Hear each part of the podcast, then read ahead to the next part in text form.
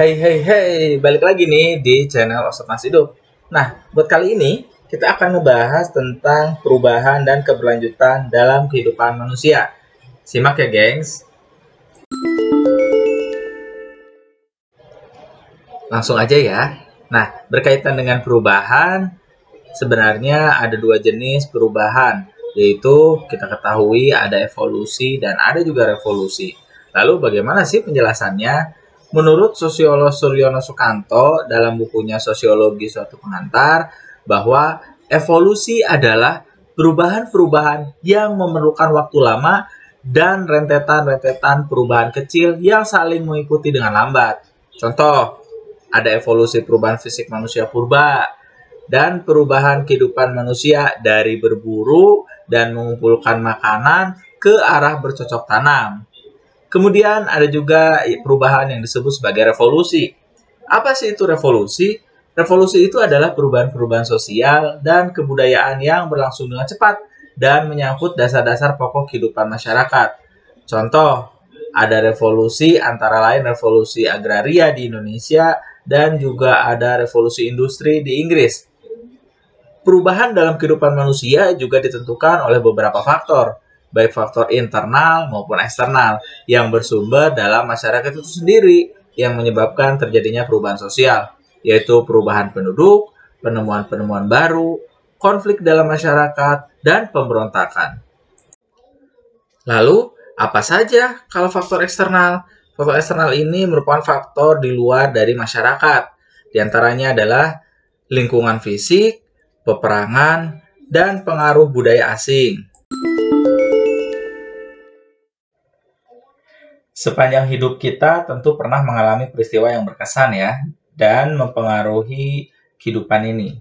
Seperti halnya perjalanan bangsa Indonesia yang dimulai dengan berdirinya organisasi Budi Utomo pada tanggal 20 Mei 1908. Hal ini merupakan awal dari adanya pergerakan nasional. Kemudian menjadi penggerak berdirinya organisasi-organisasi pemuda lainnya. Di antaranya ada Indis Party, Syarikat Islam, dan lain sebagainya. Pada masa pergerakan nasional, terjadi perubahan perjuangan dari yang asalnya hanya bersifat kedaerahan menjadi bersifat nasional. Rasa cinta tanah air mulai berkembang dan muncul dengan dilaksanakannya Kongres Pemuda oleh golongan pelajar dengan pengucapan janji yang kita kenal sampai saat ini dikenal sebagai Sumpah Pemuda tepatnya pada tahun 1928. Nah, peristiwa ini menjadi tonggak kebangkitan nasional. Para pemuda mulai bergerak untuk satu tujuan, yakni Indonesia merdeka. Karena kemerdekaan adalah hak semua bangsa. Dengan kemerdekaan yang telah kita peroleh, maka perjalanan sejarah bangsa Indonesia berlanjut sampai hari ini. Rangkaian peristiwa yang ada merupakan peristiwa yang berkelanjutan.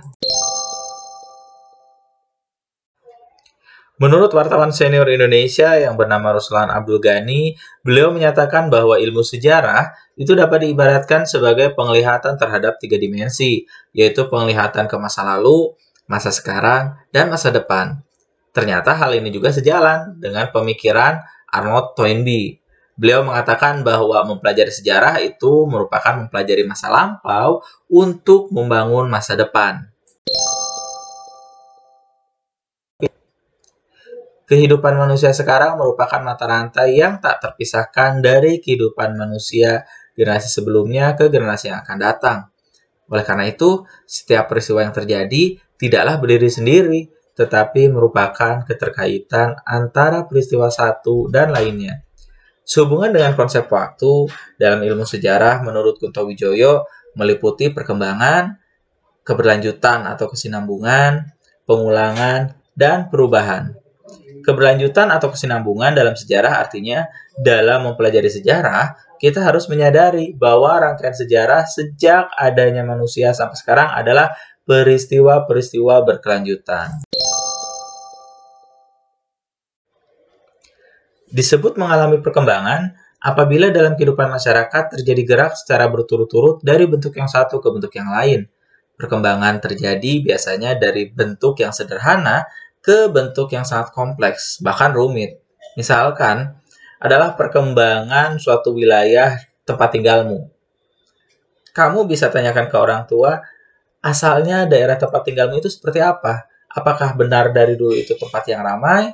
Mungkin bisa saja daerah tempat tinggalmu itu awalnya adalah daerah kecil, wilayah kecil yang tidak ada apa-apa sama sekali.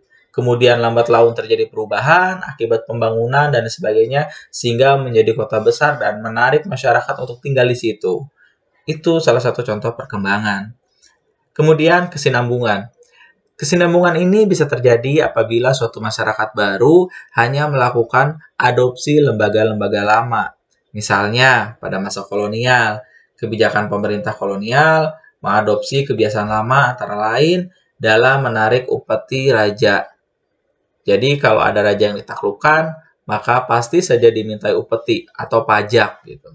Sementara itu disebut pengulangan apabila peristiwa yang pernah terjadi di masa lampau terjadi lagi pada masa berikutnya. Misal, menjelang pen, menjelang Presiden Soekarno jatuh dari kekuasaannya sekitaran tahun 1960-an, banyak terjadi aksi dan demonstrasi khusus yang dilakukan oleh para mahasiswa. Demikian halnya menjelang Presiden Soeharto yang pada tahun 1998 1998 ya, maaf.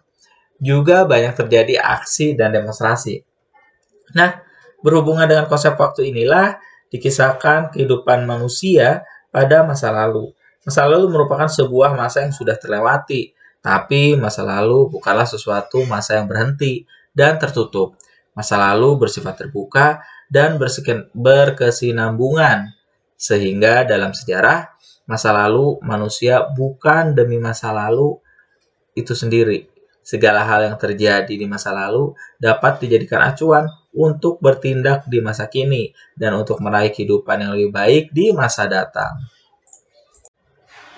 Ilmu sejarah sendiri secara alamiah memfokuskan diri pada kajian tentang peristiwa-peristiwa yang terjadi pada masa lalu dengan tujuan untuk mengambil hikmah. Masa lalu memiliki pengertian yang sangat luas, bisa berarti satu abad, bisa berarti puluhan tahun yang lalu, sebulan yang lalu, sehari yang lalu, sedetik yang lalu, bahkan jutaan tahun yang lalu. Kita harus menyadari bahwa rangkaian peristiwa sejarah sejak adanya manusia sampai sekarang adalah peristiwa yang berkelanjutan atau berkesinambungan dari satu titik ke titik selanjutnya. Selain membahas manusia dan masyarakat, sejarah juga melihat hal lain, yaitu waktu.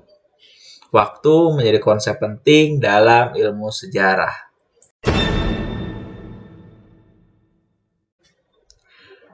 Sehingga dapat disimpulkan bahwa masa lalu merupakan sebuah masa yang sudah terlewati, tapi masa lalu bukanlah sesuatu masa yang berhenti dan tertutup.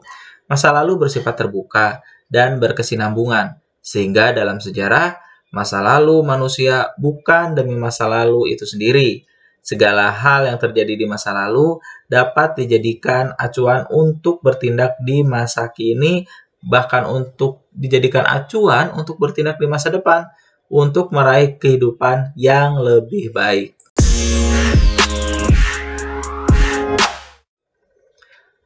Oke gengs, segitu aja penjelasan tentang perubahan dan keberlanjutan dalam kehidupan manusia. Kalian sebagai generasi muda, belajarlah melihat masa lalu untuk memperbaiki kesalahan agar tidak terjadi di masa depan.